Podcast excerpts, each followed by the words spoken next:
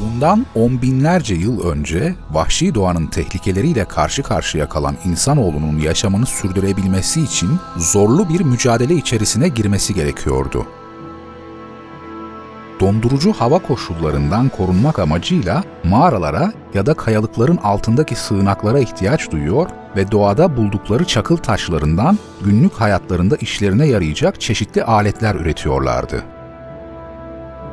Bu şekilde adeta bir fare kapanını andıran tehlikelerle dolu tabiatın kucağında biraz olsun kendilerini güvende hissedebiliyorlardı. Aynı ortamda iç içe yaşadıkları yırtıcı hayvanlara yem olmamak için her an tetikte olmaları gerekiyordu. Vahşi doğanın karmaşıklığı ve bilinmezliği kendilerini olası tehlikelere karşı korumaları gerektiğine dair adeta onları uyarıyordu. Paleolitik çağ olarak adlandırdığımız bu dönemde tabiat ana insan yaşamını büyük ölçüde etkileyen ve imkanları sınırlayan bir rol üstlenmişti. İklimin ve çevre koşullarının değişkenliği en az vahşi doğadaki yırtıcı hayvanlar kadar insan yaşamını tehdit eder düzeydeydi. Bu durum ise temelde en önemli ihtiyaç olan beslenme ihtiyacını gidermesi için insanoğlunu oldukça zorluyordu henüz toprağın verimliliğinin keşfedilmediği zamanlarda çevrelerinde yetişen bitkileri tüketerek temel ihtiyaçlarını gidermeye çalışıyor, tek ya da iki taraflı el baltaları kullanarak avladıkları hayvanlarla besleniyorlardı. Fakat hiçbir şey göründüğü kadar basit değildi. Doğa imkanlarını karşılıksız sunmuyordu. İnsanoğluna göre hayvanların da insanlar gibi ruhları vardı ve bu ruhları kızdırmanın sonuçları bazen çok ağır olabilirdi.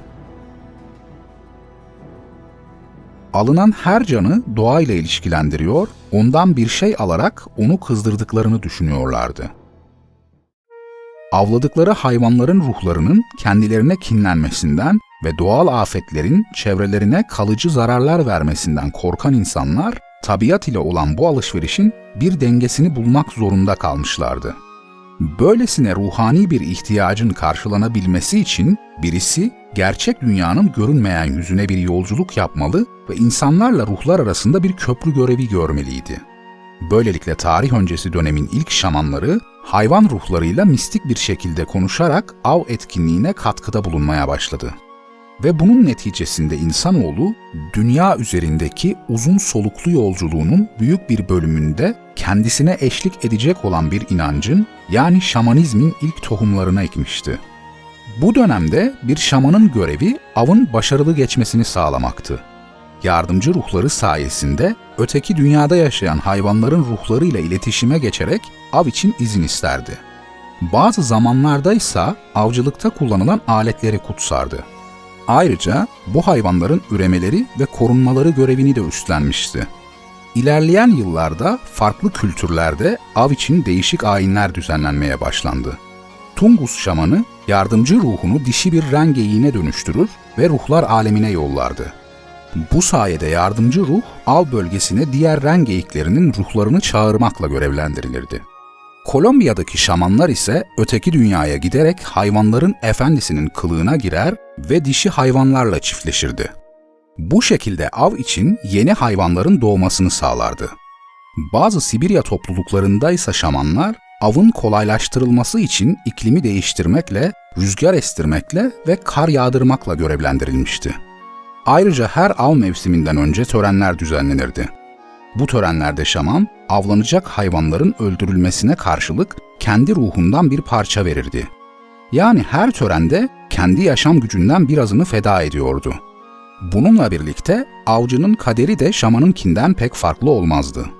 Ancak yine de görünmez dünyanın getireceği felaketleri yatıştırmak veya biraz olsun geciktirmek için bu bedelin ödenmesi gerekirdi. Zamanla şamanın hizmet verdiği alanlar genişlemeye başladı. Yerleşik hayata geçen ve tarımla tanışan toplumlarda şaman, av etkinliğinin yanı sıra üretime de katılarak toprak verimliliğini arttırmaya çalışırdı. İnanca göre bahçelerde yetişen her bitki türünün bir tanrısı bulunurdu. Şaman bu bitkilerin filizlenmesi için tanrıların yardımına ihtiyaç duyardı. Çünkü bu tanrıların izinleri alınmadıkça bitkilerin zararlı olduğu kabul edilirdi. Şamanizmin yaygın olduğu kültürlerde inançlar ve ritüeller birbirinden farklı olsa da bir şamanın asıl felsefesi genel olarak insanlarla tanrılar arasındaki ruhani bağı temsil ediyordu. Avustralya yerlilerinden Kuzey ve Güney Amerika'ya, Sibirya ve Orta Asya'dan Avrupa ve Güney Afrika'ya kadar dünyanın birbirinden farklı ve uzak bölümlerinde şamanların uyguladığı yöntemlerin çok benzer olduğu gözlemlenmiştir. Genel anlamda bir şaman, insanların başlarına gelen felaketlerin ve talihsizliklerin nedenini açıklar, bu felaketlerin önüne geçer ve onların acılarını dindirirdi. Bununla birlikte şamanizmi tam anlamıyla kavrayabilmek için felsefesinde yatan temel ilkeleri de anlamak gerekir. Bu temel ilkelerin başında dünyanın da tıpkı insanoğlu gibi çift taraflı olduğu düşüncesi geliyordu. İnsan bir bedenden ve bir ruhtan oluşuyordu. Ruh, bedenin kabuğundan sıyrılabilen ve ölümden sonra dahi yaşamını sürdürebilen bir özdü. İnsanoğlu bu düşünceden yola çıkarak doğadaki tüm varlıkların bir ruhunun olduğu inancını geliştirdi. Aynı şekilde dünyanın da gündelik ve kutsal olmayan asıl yüzünün arkasında sıradan insanların görmediği kutsal bir yüzü vardı. Bu görünmeyen dünya, tanrıların ve elçilerinin her türlü iyi ve kötü ruhun, hayvanların, bitkilerin, ölülerin ve hayaletlerin barındığı bir dünya olarak betimlenmişti. Ancak bu kutsal dünya asıl dünyadan pek de uzak değildi. Aksine ikisi siyah ve beyaz gibi birbirini tamamlar niteliklere sahipti. Kutsal dünya asıl dünyayı sürekli etkiler ve onu yönetirdi. Gün içerisinde özellikle güneş gökyüzünü terk ettiğinde tanrıların elçileri sıradan varlıkların görünümlerini alarak asıl dünyanın koşullarını değiştirebilir ve günlük hayatı etkileyebilirdi. Yaşanan tüm felaketler kutsal dünyanın müdahaleleri sonucu ortaya çıkardı. Orası asıl dünyadaki insanların bir aynasıydı. Bu sebeple orada yaşayan tüm varlıklar insanoğlunun tutkularını, duygularını ve fikirlerini yansıtıyordu. İnsanlar hayatta kalma uğruna katlettiği doğanın borcunu kutsal dünyanın gönderdiği kuraklık, hastalık ve kıtlıkla ödüyordu. Bununla birlikte bedeninden ayrılan ruhlar öldükten sonra dahi asıl dünyaya katkıda bulunurlardı. Bu inanca göre ruhlar yeniden dirilebilir ve kutsal dünyanın varlıkları tarafından özümsenip yağmur şeklinde yeryüzüne düşebilir ya da toprağın hayat verdiği bir tohuma dönüşebilirdi. Bu ilkeyi esas alan topluluklar kutsal dünyadan gelen kehanetlerin insanlara rüya veya göre aracılığıyla bildirildiğini ileri sürmekteydi. Bu kehanetlerin bildirilmesi ise rastlantıya bağlıydı. İşte tam da bu noktada şamanizmin ikinci temel ilkesiyle karşılaşmaktayız. Kehanetlerin bildirildiği kişiler kutsal dünya tarafından seçilmişlerdi ve onlara şaman adı verilmişti. Bu kişiler kutsal dünyayı görme ve tanıma gücüne sahipti. Aynanın puslu tarafı sanki bir yandan insanlığa eziyet ederken diğer yandan şamanlar aracılığıyla onlara yardım eli uzatmıştı. Görünmeyen dünyanın varlıkları sahip oldukları gücün bir kısmını şamana bahşetmişti. Ve bu yolla insanlıkla kutsal dünya arasında bir köprü kurulmuştu.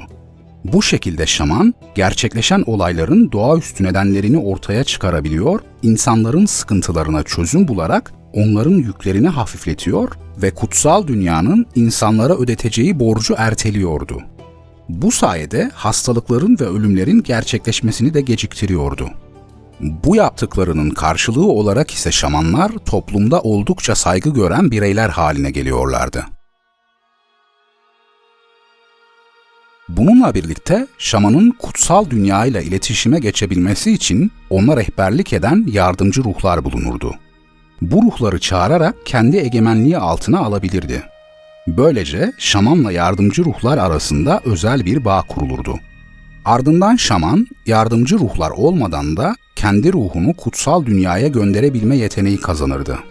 Bu yöntemlerle birlikte artık iki dünya arasındaki sınırları aşar ve bir rastlantıyla başlayan bu yolculuk yerini şamanın isteğine bırakırdı. Ancak bu yolculuklar daima topluma faydası dokunacak konularla alakalı olarak yapılırdı. Şamanizmin temel ilkelerinden üçüncüsü, bir şamanın hiçbir zaman kendisi için hareket etmemesine dayanıyordu.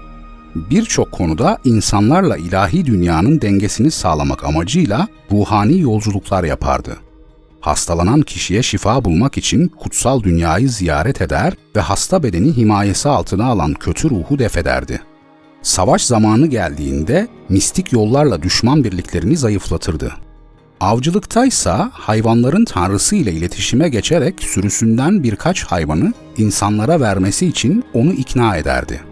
İşte tüm bu ruhani görevlerin yerine getirilebilmesi ve işlerin ustaca yoluna koyulabilmesi için yalnızca kutsal dünyanın müdahaleleriyle seçilen özel insanların şamanlık mertebesine ulaşması gerekiyordu. Görünmeyen dünyanın doğaüstü varlıkları seçilen kişiye sıradan insanların görmediklerine ve bilmediklerine ulaşma gücünü bahşediyordu. Bu kutsal göreve atanacak kişilerin seçilmesinin ise üç yolu vardı. Bunlardan ilki şaman olacak adayın bu mertebeye kendi isteğiyle ulaşmasıydı. Bunun yanı sıra birlikte yaşadığı insanlar ona şaman olabilecek niteliklere sahip olduğunu söyleyebiliyor ve onun bu yola girmesine ön ayak olabiliyorlardı. Elbette kişinin bütün bu sürece dahil olabilmesi için kutsal dünyadan şaman olabileceğiyle ilgili bir takım belirtiler alması gerekiyordu. Aday, kutsal dünyanın şamanlara gönderdiği işaretleri alıncaya kadar usta bir şamanın eğitiminden geçer ve sınavlarıyla sınanırdı. Öyle ki zorlu iklim koşullarının acımasızlıklarıyla karşılaşır, açlıkla savaşır, kendini kırbaçlayarak derisini kanatır, günlerce ıssız mağaralarda veya kutsal sayılan dağların doruklarında bir başına yaşardı. Bazı zamanlarda törenler düzenlenir ve aynı yaş grubundan şaman olmak isteyen gençler ölümlü dünyadan elini eteğini çekerek kudretli şamanların önderlik ettiği haç yolculuğuna çıkarlardı. Onlara önderlik eden şamanın görevi ise genç adayların ruhlarını güçlendirmek ya da doğaüstü güçler tarafından korunmalarını sağlamak ve aynı zamanda şamanlık geleneğinin ayrıntılarını onlara öğretmekti. Şaman olabilmenin diğer bir yoluysa atalarının şaman olduğu bir ailede doğmaktı. Bu kez seçim kutsal dünyadaki ölmüş atalar tarafından kişiye bildirilirdi. Bu durum genellikle hiyerarşik bir yapıda olan toplumlarda yaşanırdı. Bazı Sibirya klanlarında şamanlık görevinin devri dededen torunu olacak şekilde iki kuşaktan birine yapılmaktaydı. Ölmüş atalar toruna önceden şaman seçileceğine dair bilgi verirdi ve en nihayetinde genç şaman adayı dedesinin yerine geçerdi. Bu şekilde dededen toruna şamanlığın devredilmesi ekonomik olarak toplum açısından da faydalıydı. Şamanın derin içsel yolculuğu ve asıl dünyadan kendini soyutlaması ailesi için zorlu bir süreçti. Bu sebeple her iki kuşaktan biri şamanlık görevi sebebiyle yapılmayan işleri yaparak bağlı olduğu klan ya da ailenin geçimini sağlıyordu. Ayrıca bu uygulama şamanlar arasındaki rekabeti ortadan kaldırmaya ya da azaltmaya da yardımcı oluyordu. Başka bir inanca göre ise gelecek şamanı seçen ruh mevcut klan şamanının çok eski çağlardan geldiğine inanılan doğaüstü eşi olarak sayılırdı. Yine bazı Sibirya topluluklarında ölmüş şamanın yardımcı ruhunun kan bağı olmayan başka birini şaman olarak seçebileceğine inanılırdı. Bu inançların bütününe bakıldığında kişinin kendi isteği olsa dahi şamanın kutsal dünyadan gelen doğaüstü varlıklar tarafından atandığı gözlemlenmekteydi. Hatta Sibirya Tunguzları ya da Birleşik Devletler'in güneyindeki Pavyotsolara göre şamanlık görevini reddeden bir adayın doğaüstü bir ölümü göze alması gerekirdi. Pek tabi bu ölüm yine kendisini seçen ruh tarafından gerçekleştirilirdi. Şaman olmanın üçüncü yoluysa yardımcı ruhların şamanizmin iktidara bağlı olmadığı ya da toplumsal bir çıkar olarak gözetilmediği bölgelerdeki kişileri şaman seçmeleriydi. Bu şekilde aslında yalnızca kutsal dünyanın bu süreçte etken olduğu ispatlanmaya çalışılırdı. Şamanlık seçimi ne şekilde olursa olsun, şamanın kutsal dünya tarafından seçildiği ilkesine ters düşmemekteydi. Yani kişi kendi isteğiyle şaman olsa bile aslında bu seçim kutsal dünyanın onayıyla gerçekleşen içsel bir olaydı. Çünkü seçim şamanın kutsal dünyaya açıldığı bir kapı gibiydi. Ve bu kapıya her ne kadar dıştan müdahale edilmesi mümkün olsa da en nihayetinde aynanın öteki tarafından gelecek bir sihirli dokunuş olmadan tüm kapılar sonsuza kadar kapalı kalacaktı.